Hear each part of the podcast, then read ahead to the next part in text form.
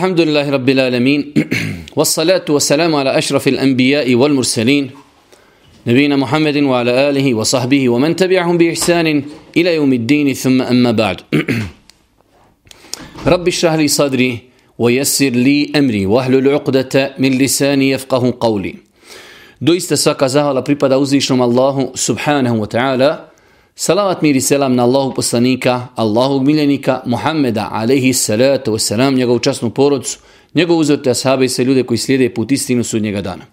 Uvažna braćo, poštovani sestre, uvaženi gledatelji, kao što znate, ovo je naša treća noć u kojoj se družimo u projektu Zimska škola Islama.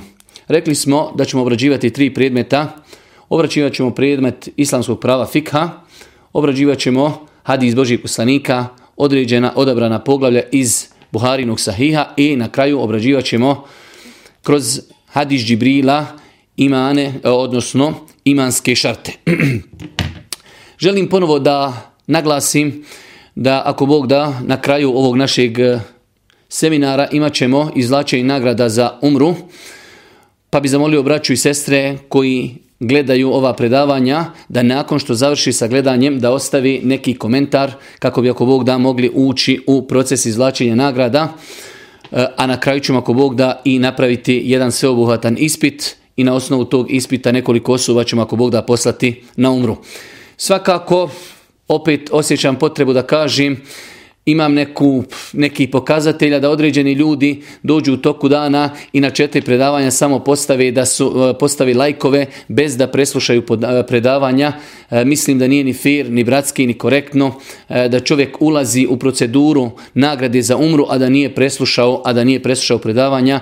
Cilj Cilj znači toga što smo mi dodijeli odlazak na umru jeste da se ljudi podstaknu da poslušaju predavanja, pa pozivam braću i sestre da se ne poigravaju sa tim emanetom, znači da ljudi poslušaju predavanja, a nakon toga da ostavi neki komentar kako bi ako Bog da mogli ući u proceduru, u proceduru izvlačenja nagrada za umru.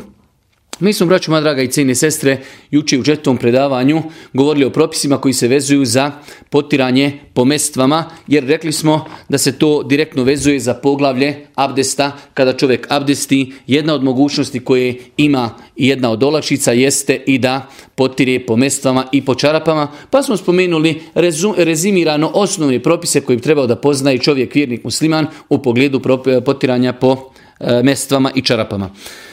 Također od stvari koji se vezuju za potiranje jeste potiranje po turbanu i potiranje po langeti ili po gipsu ili po zavoju kojeg čovjek ima po rani. Kada je u pitanju turban, kod nas se turban ne nosi, tako da nećemo mnogo se zadržavati osim kod jednog propisa. Generalno, E, u podnebljima gdje ljudi nose turbane, kada čovjek znači abdesti, kada opere lice, kada opere ruke, kada želi potrati po glavi, ako čovjek ima turban na glavi, kojeg mu je, hajde da kažem u datom momentu i poteškoća skidati i ponovo motati, u islamu ima olakšicu znači da potari samo po turbanu, kao što potiri i po kosi. U vjerodostojnim hadisima Božih poslanika, ali se letu selam, zabilježeno je da je Allah poslanik, ali se letu selam, E, potirao po turbanu. Ovo govorimo čak iz razloga ako bi nekada neko vidio nekog muslimana da potiri po turbanu, da zna da je to legitiman postupak, e, znači zabilježeno je u vjerodostojnim hadisima od Božeg poslanika da je potirao prilikom abdesta e, po turbanu kojeg je nosio na glavi. Ono što je interesantno spomenuti za potiranje po turbanu samo, a to će nam trebati za jedan drugi propis, jeste da potiranje po turbanu nema uvjete koji su postavljeni e, kao što su uvjeti potirana po mestvama, tako da turban čovjek može obući i bez da je pod abdestom, a isto tako e, znači potiranje po turbanu nije ograničeno vremenski. Ono što je nama potrebno i dobro je da znamo da je određen dio učenjaka dozvoljavao analogno potiranju po turbanu, dozvolili su da žena kada ima potrebu potari po mahrami, ako je negdje žena znači u situaciji da abdesti, ne može skinuti mahramu jer se boji da će je neko vidjeti ili joj je komplicirano znači da, da skine mahramu i da je ponovo opet stavi i žene znači imaju pravo da potiraju po mahrami koji su stavile, koji su stavile na svoju glavu. Tako da e, svakako da je ovo jedna velika olakšica i to znaju naše sestre koje primjer radi, e, radi neka u bolnici, neka u školi ili prilikom putovanja. E, veoma je to dobra olakšica i dobro je da žena muslimanka poznaje u olakšicu, pogotovo kada žene znači stavi mahramu, nije lako više se raskopčavati, skidati mahramu, pogotovo na nekim javnim mjestima mjestima, tako da je velika olakšica i znači mi preferiramo to mišljenje onda kada žena ima potrebu. Svakako da žena ako je u kući, žena neće potirati po mahrami ili ako već ima abdestana u kojoj žena može skinuti mahramu, lijepo abdestiti, svakako. Ali govorimo u vanrednim situacijama, možda nekada žena je na aerodromu, možda je nekada u avionu, nekada na putovanju, nekada na poslu i doista joj mnogo znači da ne mora skidati mahramu, da je ne mora ponovo štimati. Znači prilikom abdesta naše sestre mogu da potiru po mahrami. Svakako moj savjet je, e, pogotovo ako žena unaprijed zna da će biti izložena situaciji da mora potirati po mahrami, da tu mahramu obuku dok su, dok su pod abdestom. Mi smo rekli da nije uvjet kada je u pitanju turban da se obuče, ali svakako ima učenjaka koji su smatrali da je to, e, da je to, hajde kažemo, propisano, tako da bolje žena, znači kada potire po mahrami, da je tu mahramu stavila, da je stavila tu mahramu još u vremenu dok je bila pod abdestom. Tako da to je nešto što nam je iz poglavlja potiranja po turbanu bitno e, da naše sestre koje nose mahramu, ako imaju zatim potrebu, da li negdje na putu, da li u avionu, da li negdje na aerodromu, da li na poslu, znači ako imaju potrebu da abdeste, da obnovi abdest, imaju pravo da potiraju vlažnim rukama po svojoj mahrami. Nakon toga dolazimo do jednog novog pogleda. rekli smo, to je potiranje, potiranje po zavoju, potiranje po langeti, potiranje po gipsu. Znači može se desiti da čovjek bude u situaciji da jednostavno e, bude primoran da nosi određen zavoj na svome tijelu, e, da li će to biti zavoj, langeta ili gips, e, da li će biti nekada na dijelu tijela koji se pere prilikom abdesta, a može biti i na dijelu tijela koji se ne pere prilikom abdesta, može biti na koljenu, može biti na kuku, može biti na ramenu, a može biti na dijelovima tijela koji se peru prilikom abdesta. Šta će uraditi čovjek kada u pitanju e, dio tijela na kojem ima langetu ili zavoj ili neki, neku sličnu stvar. Prva stvar, velika, velika većina islamskih učenjaka smatrala je da u islamu postoji potiranje po tim nekim predmetima koji smo mi nazvali, rekli smo to može biti zavoj, da je zamotana rana zavojom, e, da je to langeta ili da je to gips. Velika, velika većina. E, zato su citirali određene, određene hadise. U pogledu tih hadisa i postoji neko razilaženje, ali u svakom slučaju velika, velika većina e, smatrala je u islamu validnim potiranje po, po tim nekim stvarima koji se nalaze na ljudskom tijelu. Ono što je interesantno spomenuti jeste činjenica da ove stvari koje, putem kojih čovjek jednostavno, hajde da kažemo, e, sanira svoju ranu ili određene bolove, one one se stavljaju kada čovjek za njima ima potrebu. Rekli smo, potiranje po mjestvama jučer je dobrovoljna stvar, olakšica. Ako hoćeš potirati, ako nećeš potirati. Dok kada nam doktor stavi e, znači, gips na ruku, onda je to zbog potrebi. I ne možemo mi više birati hoćemo li to nositi ili nećemo nositi. Zato su islamski učenjaci kazali da treba te stvari svoditi na minimum. Pa primjer radi ako bi imali ranu na, na, na tijelu mi ćemo zamotati toliko zavoja koliko je dovoljno da se ta rana sanira. Nećemo zamotati e, znači nešto bespotrebno jer do tog dijela gdje smo bespotrebno zamotali neće moći dolaziti voda. Mi ćemo po njemu potirati tako da kada imamo priliku da zamotajemo prst ili neku ranu ili dio tijela onda treba da da to svodimo na neki minimum. Minimum onoga što će ispuniti znači, naše potrebe. Isto tako, e, kad su u pitanju ove stvari zavoj, langeta ili gips, e, one se razlikuju u pogledu od, od mestava na način da nije uvjet da se one stavljaju dok je čovjek pod abdestom. Mi smo jučer spomenuli kada, kada čovjek eh, hoće da potire po mestvama, mora mestve ili čarape obući dok je još pod abdestom. Ali kada je u pitanju znači zavoj ili langeta ili gips, one svakako se stavljaju nekad u datom momentu kada je čovjek bolestan, ima bolove, ima probleme i nije uvjet nije uvjet da se stavi znači eh, u vremenu kada je čovjek pod abdestom. Isto tako E, langeta, gips ili čak i zavoji razlikuju se od mestava na način što, rekli smo, meste se eksplicitno vezuju za abdest. Dok kada imamo langetu ili imamo gips ili imamo neki zavoj, to se može, znači, odnosno, Propisi se vezuju i za kupanje za gusul i za abdest. Pa ćemo poslije govoriti kako će se čovjek ponašati prema ranama koji su prekrivene i prema ranama koji su otkrivene. Ali sada navodimo neke razlike između potiranja po mestvama i između potiranja po e, zavoju, langeti ili gipsu.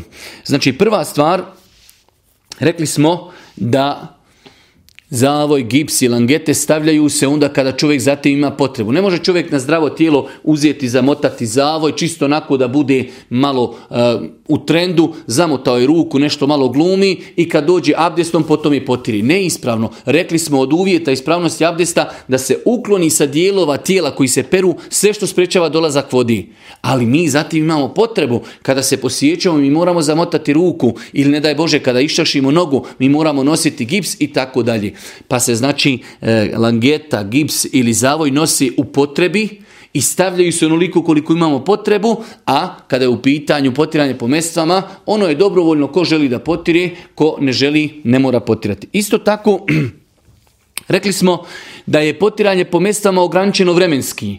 Pa ako je čovjek kod kući, jedan dan i jednu noć, ako je putnik tri dana i tri noći, dok kada je u pitanju langeta i kada je u pitanju gips ili zavoj, čovjek će to e, znači nositi dok bude imao potrebu za tim. Ne može čovjek svaki drugi dan skidati gips zato što jednostavno gips se možda e, treba nositi mjesec dana. Tako da e, ove stvari ostaju dok čovjek za njima ima potrebu. Onog momenta kada čovjek ozdravi, obavezno je da te stvari e, skini kako bi mogao pratiti te dijelove tijela prilikom i abdesta i gusula. Isto tako Kada je u pitanju potiranje, samo potiranje, kada dođemo do tog dijela, e, znači pranja, vidjeli smo po mestvama, potiremo na način da samo stavimo ruke, znači desnu ruku na desnu nogu, lijevu ruku na lijevu nogu i samo povučemo, do kada je u pitanju, primjera radi dio tijela na kojem imamo gips ili zavoj, moramo taj zavoj kompletan potrati. Za razliku od mestava rekli smo nećemo donji dio potirati, već ćemo potirati samo onako kako je zabilježeno od Božijeg poslanika, alihi salatu wasalam, za razliku od gipsa ili langeti koju trebamo, znači, hajde kažemo, mokrom rukom prebrisati svu. Isto tako, e, kada je u pitanju razlika između e, korištenja mestvi i e, ovih stvari, od, od stvari koji se mogu spomenuti jeste da e, mestve isključivo se nose na nogama. I ne može čovjek reći pa dobro ja danas nosim rukavice analogno, analogno, analogno mestvama, ja po rukavicama ću potirati, nekima ženama je šetan prišao s te strane pa kažu kada imaju nalakirane nokte, tako one malo to potaru jer kaže kao što se može po mestvama potirati, možemo mi malo potarimo po noktima i to je to. Pa je razlika između mestava i gipsa, langete i zavoja to što gips, zavoj i langeta mogu biti na svim dijelovima tijela. Shodno čovjek ima potrebu za razliku od mestvi koji mogu isključivo biti samo na nogama. Dobro, nakon toga jedno interesantno pitanje, a to je e, dosta puta ljudi postavljaju pitanje, ovo inšala veoma bitno da naučimo svi zajedno, E, kako abdestiti i kako, kako se okupati kada imamo na našim dijelovima tijela ranu. Kažu islamski učenjaci, rane se mogu podijeliti u dvije kategorije. Imamo ranu koja je, e, da kažemo na nju nije ništa stavljeno. Nije zamotana jednostavno otvorenog tipa i imamo drugu ranu koja je zamotana, da li zavojom, da li langetom ili gipsom ili na neki drugi način. Znači imamo otkrivene rane i imamo pokrivene rane. Kada je u pitanju otkrivena rana, osnova je da to prvo moramo oprati. Dobro, ako čovjek kaže, rekao mi je doktor, ne smijem prati, onda mu mi kažemo tu otkrivenu ranu trebaš mokrom rukom samo potrati. Znači prvi je stepen uvijek kada je otkriveno tijelo, moramo ga oprati. Ako čovjek kaže, doktor mi je kazao, povjerljiv, da ne smijem to prati, šteti mi, onda mu kažem mokrom rukom to, hajde da kažemo, samo potari. Kaže, ne smijem ni potrati ali ne smijem ni zamotat. Onda tom čovjeku kažemo ti abdest ti kompletan abdest, kada završiš sve, još uzmi dodatno tejemum za taj dio kojeg nisi smio prati. Znači, govorimo cijelo vrijeme o ranama koje su otkrivene. Kada čovjek ima otkrivenu ranu i prilikom abdesta i prilikom gusula, mi mu uvijek kažemo, prvo moraš oprati to. Ako čovjek kaže ne smijem jer mi šteti i doktor mi je savjetovao, onda kažemo operi sve oko nje, ali nju samo mokrom rukom potari. Ako čovjek kaže ne smijem ni potrati, a rana mi je otkrivena, onda mi kažemo taj dio ćeš preskočiti, ostali dio tijela operi, a nakon abdesta uzmite jemum za taj dio kojeg si preskočio. Dobro, to je znači kada je rana otkrivena. Kada je rana pokrivena, samo izbacujemo onaj prvi dio. Znači, ako nam je rana, imamo ranu na tijelu i prilikom gusula i prilikom e, abdesta, došli smo do dijela tijela gdje imamo zamotanu ruku ili je to gips ili langeta, ako nam to ne, ne smeta, a u većini slučaja ne smeta, znači nećemo prati definitivno i ne smijemo prati, samo ćemo uzeti mokrom rukom, vlažnom i sav taj dio koji je zamotan, znači skvasiti, odnosno potrati. Znači rekli smo, ako je rana otkrivena, imamo tri stepena, moramo oprati, ako ne možemo oprati, potarimo, ako ne možemo potrati, nakon, nakon što uzmimo abdest ili gusul, uzet ćemo još tejemum zbog toga. Kada je u pitanju pokrivena rana, onda imamo samo ova dva stepena. Kada smo, znači, prije radi, zamislimo da ovdje imamo neku ranu koja je zamotana e, e zavojom. Mi ćemo uzimati abdest i kada dođemo do pranja tog dijela tijela opraćemo dio koji nije pokriven, a ovaj dio koji je zamotan uzet ćemo vlažnu ruku i samo ćemo ga potrati. Ništa više. Ako bi se desilo, može se desiti, ali veoma rijetko, da, da nam doktor zabrani da potiremo e, ranu koja je i pokrivena. Iako je to veoma rijetko, onda prelazimo na onu treću stepencu, a to je da kažemo čovjeku operi ono što smiješ, ako ne smiješ potrati po zavoju ili langeti iz nekih opravdanih medicinskih razloga, onda nakon što završiš abdest još uzmi tajemom, a noćas ćemo govoriti kako se tajemom uzima zbog tog dijela kojeg nisi mogao oprati. Pa je ovo veoma interesantno i veoma bitno eh, da, da, da naučimo. Dosta puta nas kontaktiraju braća i sestre i pitaju kako da se ponašaju u pogledu rana, pa smo rekli da se rane na ljudskom tijelu mogu podijeliti u dvije kategorije, rane koje su otkrivene i rane rane koje su pokrivene. Rane koje su otkrivene počinjemo standardno, moramo ih oprati. Ako čovjek kaže ne smijem, ne mogu, doktor mi je kazao da to ne smijem činiti, onda mu kažemo potari mokrom rukom samo potomi. Ako kaže ne smijem ni to, onda mu kažemo nakon što završiš abdest, uzmite jemom za to i to je to. Ako imamo drugu vrstu rana koje su zamotane, da li gipsom, da li langetom, da li zavojom, onda perimo sve do njih, a taj dio ćemo čitav potrati. Ako bi se eventualno desilo da nekada doktor iz određenih razloga zabrani čovjeku da to čak i potari mokrom rukom, onda ćemo čovjeku kazati operi sve dijelove tijela koje smiješ, a onda nakon što završiš uzmi još tajemom za to, inšala na taj način je čovjek ispravno, eh, ajde da kažem, uzeo abdest ili eventualno ako je trebao da uzmi gusul.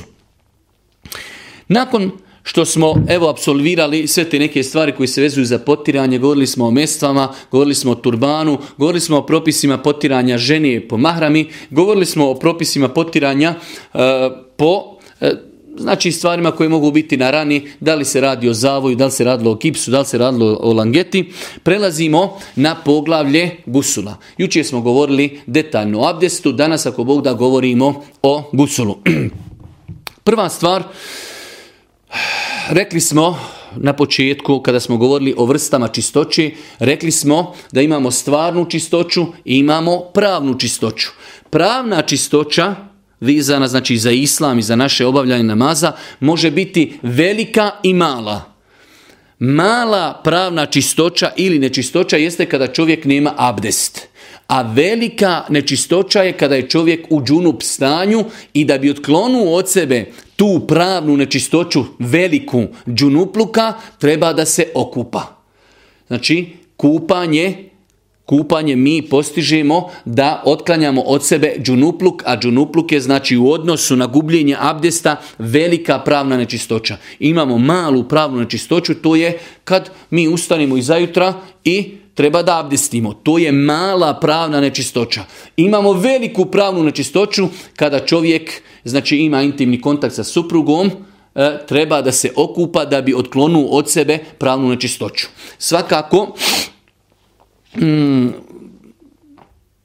otklanjanje džunupluka od insana, kao velike pravne nečistoće, potvrđeno je Kur'anom, potvrđeno je sunnetom Božijeg poslanika i potvrđeno je konsenzusom islamskih učenjaka, što znači e, da je gusul, uzimanje gusula na islam, ispravan šerijetski način, nešto znači što je legitimno u islamu. Nažalost, ja sam o tome govorio u ovoj knjizi z rado Stoka moga. Mi imamo ljudi koji jednostavno ne vjeruju da nešto postoji što se zove džunupluk i možda ljudi desetine godina hodaju u džunup stanju ne vjeruju da postoji nešto što se zove džunupluk, mi muslimani vjerujemo da postoji pravna nečistoća, pravna, nestvarna, pravna nečistoća koja nastaje kao plod e, intimnog kontakta muškarca i ženi nakon koje je čovjek obaveza da se okupa da bi postao čist.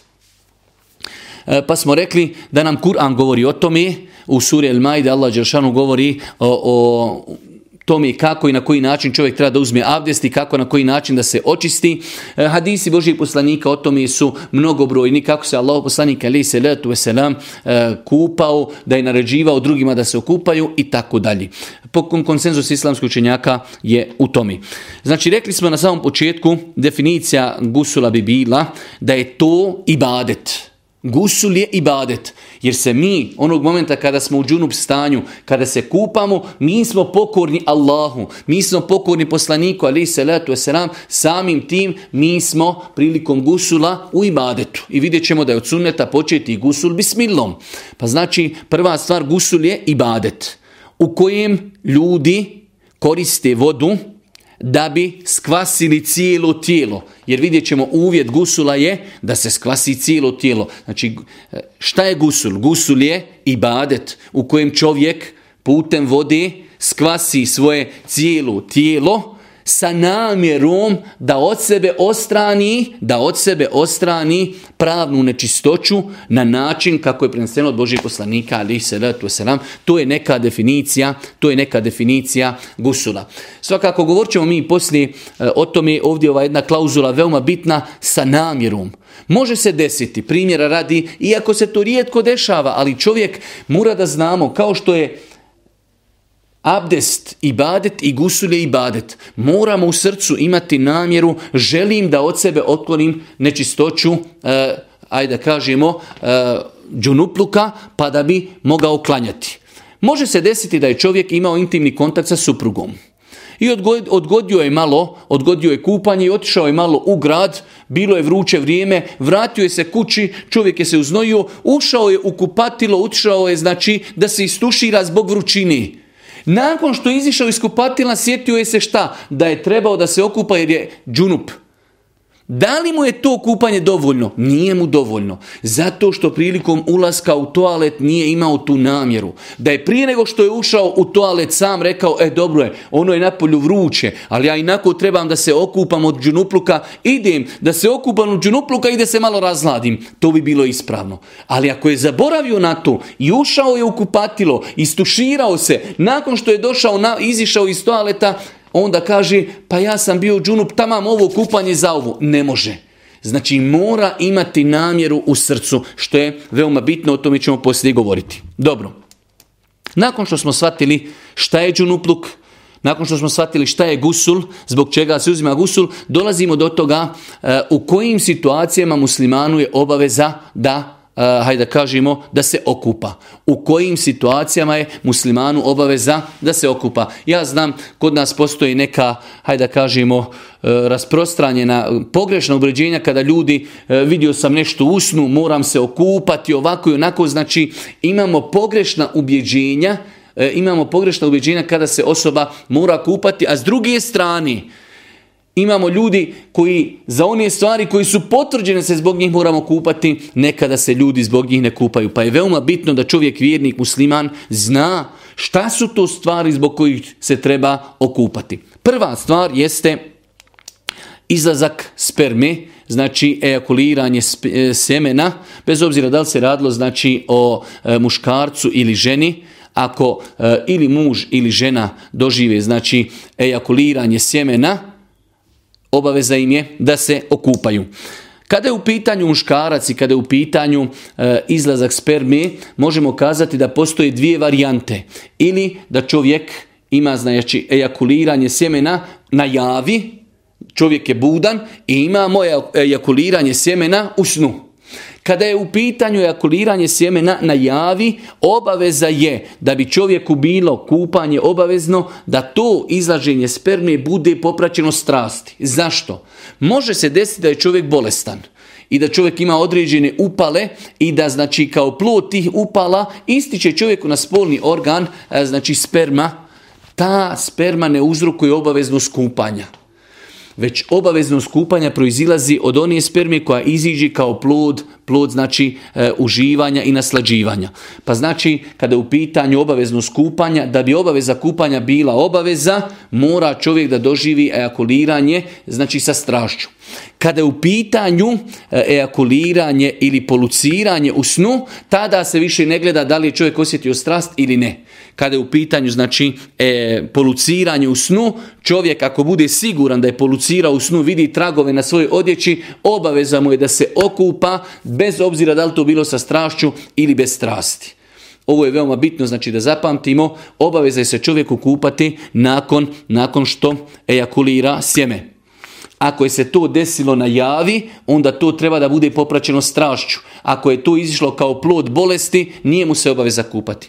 Dok kada je u pitanju poluciranje u snu, Može se desiti poluciranje muškarcu i ženi, jer je to znači zabilježeno od Božije poslanika, ali se letu ako se desi poluciranje u snu, i čovjek vidi tragove spermi na odjeći, njemu je obaveza da se okupa bez obzira da li osjetio ili ne osjetio e, slast toga. Ovdje možemo kratko samo da spomenimo propis, a to je kada čovjek posti, ako mu se desi poluciranje u snu, njegov post je ispravan po konsenzusu islamskih učenjaka. Primjer radi čovjek je zapostio i nakon što je zapostio, ustao je, klanio je saba i legao je malo nakon sabaha da odspava. Kada je ustao u 8, 9 ili 10 sati, već kada je ustao, sjeti se da je sanjao nešto i pogleda na, na veš i vidi tragove, vidi tragove sperme na, na, na svome vešu, mi mu kažemo tvoj post je ispravan, ali ti je obaveza da se okupaš.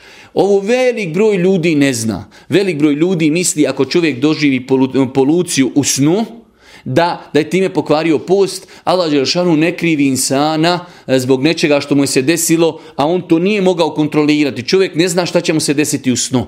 Pa kažemo, ako bi se desilo poluciranje čovjeku u snu, čovjeku ili ženi, a oni posti u danu kada posti, njihov post je ispravan, ali im ostaje obaveza, ostaje obaveza kupanja. Znači, pa prva situacija kada je obaveza da se čovjek okupa jeste e, izlazak sjemena, izlazak sjemena, pa smo govorili da postoje dvije, dvije vrste. Svakako, isti propis je i kada je u pitanju e, onanisanje, onanisanje ako eh, putem onanisanja muškarac ili žena dožive znači poluciranje eh, obaveze im je da se okupaju mi svakako ne govorimo ovdje o propisu znači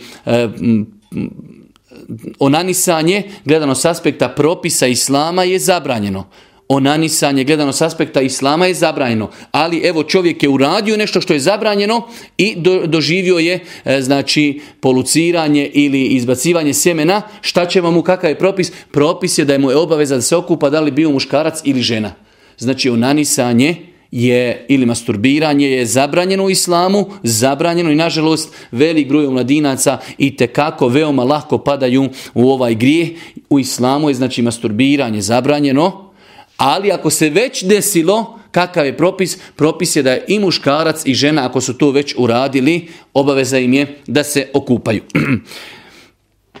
Druga stvar zbog koje postaje obaveza kupanje jeste sam intimni kontakt, pa makar i ne došlo do ejakuliranja. Imali smo prvi slučaj, znači izlazak sjemena.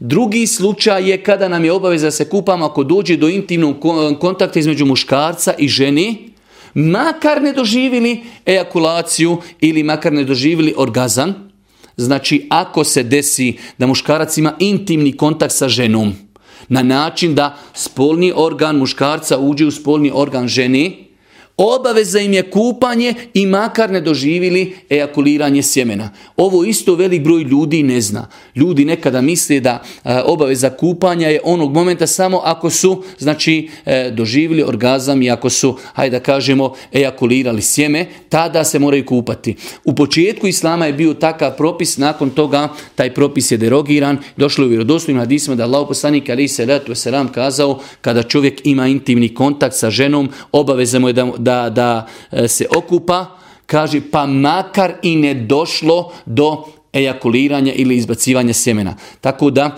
e, druga stvar, znači rekli smo prva stvar, nevezana za intimni kontakt, izbacivanje sjemena.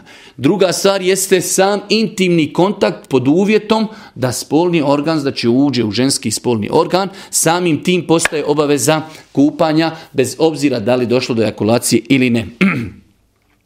Treća stvar zbog kojeg nam postaje obavezno kupanje, e, odnosno ovdje se može spomenuti još jedan dodatan propis, to je e, nerijetko se dešava ljudima E, da nakon što su imali intimni kontakt, ljudi odu da se okupaju i nakon kupanja opet primijete isticanje spermi. Da li je obavezno se ponovo kupati? Inšala vizila nije, zato što smo rekli to isticanje, znači zbog njega je se već čovjek i okupao, a ono i ističi bez da osjeti čovjek strast. Ovo pitanje je također veoma bitno i mnogo ljudi ga ne zna. Može znači predstavljati ljudima problem. Čovjek znači možda imao intimni kontakt i odmah nakon intimnog kontakta otišao da se okupa nakon kupanja primijeti tragove isticanja spermi, nije se obaveza kupati od takvog isticanja semena, svakako to kvari abdest, ali znači nije mu obaveza da se od toga kupa. Treća stvar zbog koje je obavezno kupanje jeste smrt ako insan musliman ili muslimanka umru, obaveze ih je okupati i o tome govori mnogi hadisi. Jedan od tih hadisa jeste e, onaj poznati hadis u Bari muslimu da je Allah poslanik kada je presela jedna njegova čirka naredio ashabikama pa im je kazao okupajte je tri puta, pet puta ili sedam puta ako ima dni zatim potrebe. Pa ima Allah poslanik ali se ratu sram u naredbenoj formi spomenuo da je obaveza okupati Megita E, četvrta stvar kada je se obaveza kupati, e, u pogledu ovog pitanja postoji jako razilaženje kod učenjaka, ali znači po mišljenju jednog dijela učenjaka kada čovjek konvertira, kada primi islam čovjek ako je bio nemusliman i primio je islam, jedna od obaveza e, koja prva koja ga čeka u islamu jeste da se čovjek okupa. Jeste da se čovjek okupa. U svakom slučaju e, treba znati da u pogledu tog pitanja postoji veliko, veliko razilaženje kod islamskih učenjaka. E, velik broj učenjaka također smatrao je da nije to obaveza, da je to pohvalan čin ako čovjek uradi, uradi, dok bilo je islamskih učenjaka koji su na osnovu e, određenog broja hadisa i određenog broja, eh, ajde da kažemo, slučajeva koji su se desili za života Božih poslanika, ali se letu selam, uzeli opći propis. Učenjaci koji su smatrali da nije obaveza se kupati svim ljudima koji prime islam, Kažu da je to bila opće poznata stvar, znači toliko ashaba je primalo islam, to bi nešto bilo opće poznato da čovjek kada primi islam treba da se okupa, ali je zabilježeno u nekoliko slučajeva kada su ashabi primali islam, da su se kupali ili da im je naređeno da se kupaju, pa u svakom slučaju ako se desi da čovjek primi islam, dobro je, dobro je da se okupa. Pita stvar zbog koje postaje obavezno kupanje jeste e, završavanje hajza i nifasa kod žina. Završavanje hajza i nifasa kod žena, ženama je obaveza da se okupaju. Mi ćemo ako Bog da e, u možda već u ponedjeljak, pošto subotu i nedjelju nemamo e, zimsku školu islama, već u ponedjeljak ćemo možda govoriti o propisima hajza i nifasa i nakon toga, ako Bog da, preći govoriti konkretno o namazu. Ali jedan od razloga zašto je ženama, odnosno zašto je obaveza kupanje, svakako da se to odnosi samo na žene, jeste završetak hajza i nifasa. Svakako, mi ćemo poslije govoriti o tome, ali žena može znati prestanak hajza i nifasa na dva načina. Ili će, e, znači, kod određenog broja sestara, žena, pojavljuje se takozvani bijeli iscjedak. I žena zna, znači čeka kada prestane krvarinje, čeka taj bijeli isjedak i nakon bijelog iscjedka, znači postaje obaveza da se okupa kako bi ako Bog da nakon toga mogla klanjati. A određen broj žena nema taj takozvani bijeli isjedak, onda će žena se, hajde da kažemo, ravnati po prestanku krvarinja.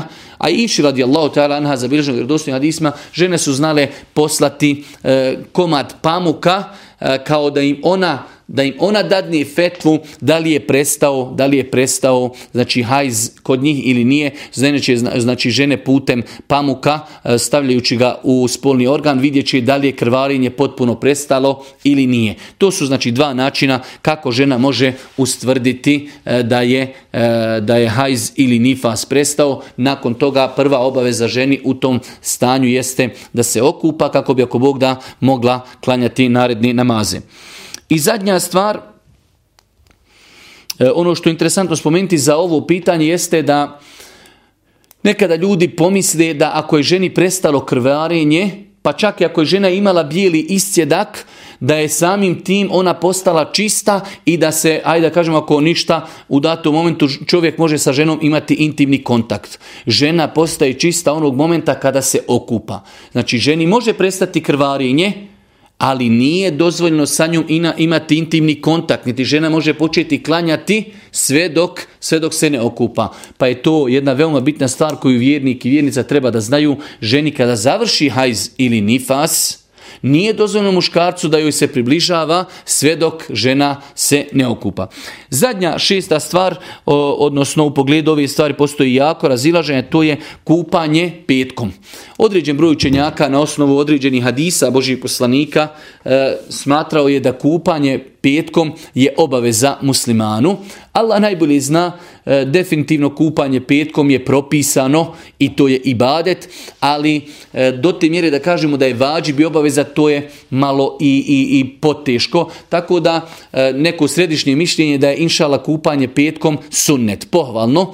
Onim osobama koji mogu da se okupaju petkom, znači pohvalno i lijepo je zbog velikog okupljanja ljudi na jednom mjestu.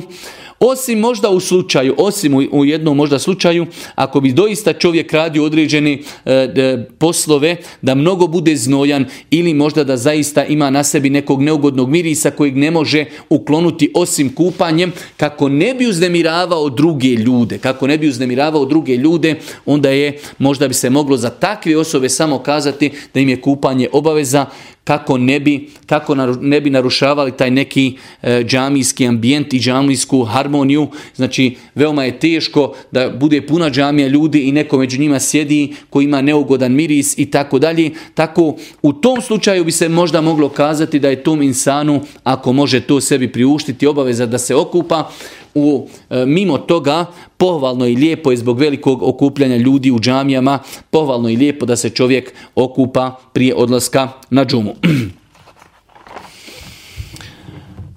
Nakon što smo spomenuli šta je to gusul i kupanje, e, kada je obaveza da se e, kupa, dolazimo do, do situacije da govorimo o sastavnim dijelovima kupanja. Šta je to što čini jedno kupanje ispravnim, odnosno šta je to što ako izostavimo mi u kupanju, neće kupanje biti ispravno. Dvije su stvari veoma bitne kada u pitanju e, kupanje od džunupluka, ako čovjek se ne kupa od džunupluka, može se istuširati kako god hoće. Ali ako se kupa želeći da od sebe otkloni eh, džunupluk, pravnu nečistoću, veliku pravnu nečistoću, onda mora ispuniti neke uvjete da bi njegovo kupanje bilo ispravno. Prva stvar, rekli smo namjera. Rekli smo da je veoma bitno da čovjek, ako ima intimni kontakt sa suprugom, kada krene u kupatilo, da zna, želim, idem da se okupam. Zašto? Da bi mogao da klanjam namaz. Ako se slučajno desilo da čovjek odi onako da se istušira, ne razmišljajući, zaboravljajući da je džunup, znači čovjek treba da ponovi, da ponovi kupanje. Iako to znači veoma se rijetko dešava i čovjek ne treba na taj način da otvara šitanu vrata. Ja sam se imao slučajeva i prilika društi sa ljudima koji otvori ta vrata šetanu pa čovjek okupa se i onda mu šetan, pa jesi li nijetio? Nisam nijetio, hajde još jednom. I opet se okupa, opet šetan, jesi li nijetio? Pa nisam, nijetio. hajde još se jednom okupaj. Znači čovjek treba šetanu da zatvara ta vrata, ali definitivno moramo se podučiti da je gusul ibadet i moramo imati u srcu namjeru kada se kupamo, želimo da od sebe otklonimo pravnu nečistoću. Pa je to prvi dio, veoma bitan dio gusula. Druga stvar jeste da čovjek skvasi cijelo tijelo. To su dvije komponente koji se moraju ispuniti da bi e, šerijatsko ispravno kupanje bilo i da bi od sebe odstranili nečistoću džunupluka, da Znači imamo namjeru i da skvasimo cijelo svoje tijelo. Čak, znači vi znate kada čovjek posti, da može uzeti vode i isprati usta, što ukazuje i time neće pokvariti post. Da isperi samo usta, ispljuni vodu, to ukazuje da naša usta ona uzimaju propis vanjskog dijela tijela, naša usta. Uzimaju u islamu propis vanjskog dijela tijela. Kao što je ruka vanjski dio tijela, tako i unutrašnjost usta. Mi u toku Ramazana možemo uzeti vode, isprati usta i isplinuti. Nismo pokvarili post. Samim tim, ako smo konstatirali da su usta vanjski dio tijela, prilikom kupanja nama je, je obaveza da isperemo usta, da isperemo nos i nakon toga da skvasimo cijelo tijelo. Tako da čovjek ako želi da otkloni od sebe džunupluk, Znači, najjednostavnije što treba da uradi prilikom odlaska u toalet, da ima namjeru, želi da od sebe odstrani džunupluk, ispere usta, ispere nos i ode po tuš i skvasi cijelo tijelo, on je, on je od sebe odstranio džunupluk. To je znači ono što minimalno se mora ispuniti u, u širijetskom kupanju gusulu. To nas vodi u pravcu da e, da spomenemo da u islamu postoje dvije vrste i dva načina širijetskog kupanja. Imamo minimalno kupanje, ono što ispunjava najminimalnije uvjete da bi to bilo znači kupanje ispravno i imamo potpuno maksimalno kupanje onako kako je to učinio Boži poslanik alihi salatu veselam Prvo minimalno kupanje ono što smo malo prije spomenuli, a to je da čovjek znači ima namjeru, želim da otklonim od sebe e, džunupluk, pravnu nečistoću, želim da se okupam, isperi čovjek usta i nos i ode po tuš i se. Čak e, kada bi čovjek, znači, ako ima negdje bazin, ako čovjek je u rijeci, znači dovoljno je da čovjek samo dođe do rijeke, ispere usta i nos, zanijeti, znači u svom srcu želim da otklonim od sebe džunupluk, iskoči u rijeku, iziđe i on je na taj način, ako Bog da otklonu od sebe džunupluk. Sjećam se jednom davno, E, jedan šeh je navodio u svojoj jednoj knjizi, došao mi je, kaže, čovjek i kaže, šeh, ja skočim pod vodu, znači skoči u rijeku, iziđem, kaže, i onda mi šetan dođe i kaže, da li si skvasio svo tijelo vodom? Znači, bio čovjek pod vodom, ronio, pa mu kaže šeh, veli, e, pita on je li mi gusul ispravan ili nije, veli neispravan ti je gusul zato što ti u osnovi nisi normalan, kako možeš biti pod vodom i da voda ne dođe do svih dijelova tvog tijela, a ti bio pod vodom. Tako da, znači ispravno je čovjek se može čak okupati na način da dođe do rijeke ili do, do nekog bazena, uzme samo vode, ispere usta i nos ili eventualno kada bude pod vodom da uzme vode, znači ispere usta i nos, skoči u vodu i on je na taj taj način, ako Bog da, otklonu od sebe džunupluk. To je e, minimalan način e, kako čovjek može od sebe otklonuti džunupluk. Drugi način, drugi način jeste potpuno onako kako je zabilježeno od Božijeg poslanika, ali i salatu wasalam, mi imamo dosta vjerodostojna hadisa koji su supruge Božijeg poslanika prenijele kako se Božiji poslanik, ali i salatu wasalam, kupao eh, hadis koji su zabilježeni kod imama Buharije i muslima. Pa ćemo mi spomenuti i čovjek vjernik bi trebao kada god se kupa, kada god ima priliku da praktikuje ovaj sunnet, da se okupa onako kako se kupao Božji poslanik i za prakticiranje svakog sunneta će ako Bog da imati nagradu. Prva stvar, Znači, e, prilikom kupanja jeste da čovjek kaže bismillah, kao što prilikom abdesta i tajemuma treba kazati bismillah. Druga stvar jeste, e, svakako, opet i prije bismili, imamo namjeru.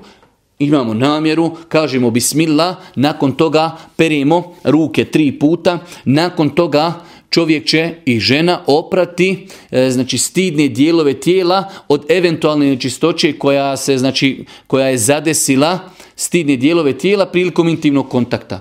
Početak znači bismillah, pranje ruku, nakon toga pranje stidnih dijelova tijela od eventualnih, znači da nazovimo tečnosti koje su e, pogodile i zadesile, prolile se po e, intimnim dijelovima tijela. Nakon toga zabilježeno vjerodostojnim hadisima da je Boži poslanik ponovo prao ruke, što je i logično.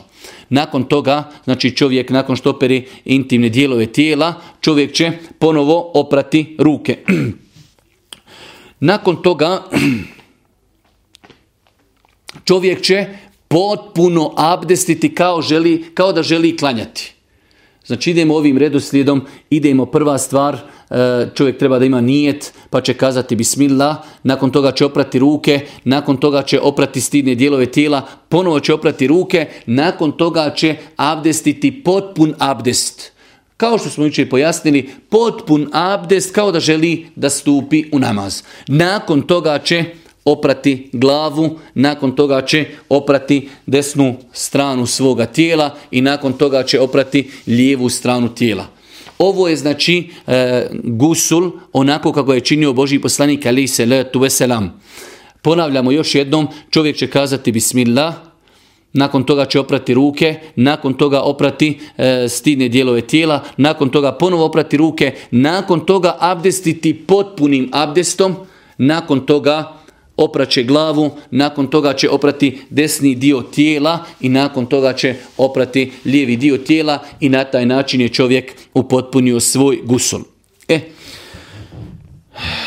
zadnja stvar i određena pitanja vezana za gusul ćemo ako Bog da odgoti za drugi dio predavanja, e, samo kada su u pitanju žene. Žene koje e, imaju kosu spletenu u pletenicu i kojima predstavlja poteškoću da otpletu znači, pletenicu, jer zaista nekada imamo sestara koji imaju veliku kosu, bujnu kosu, pa im je veliki problem da uvijek, hajde da kažemo, raspliču kosu. Kažu islamski učenjaci, sodno Islam Božih poslanika, ali se letu selam, žena ako se kupa od džunupluka, Znači žena ako imala intimni kontakt sa svojim mužem i njena kosa je spletena u pletenicu, nije znači obaveza njoj da, da otliče kosu. Dovoljno je samo da znači skvasi, da skvasi e, tijeme svoje kose, ali nije obaveza da raspliči da raspliče pletenicu.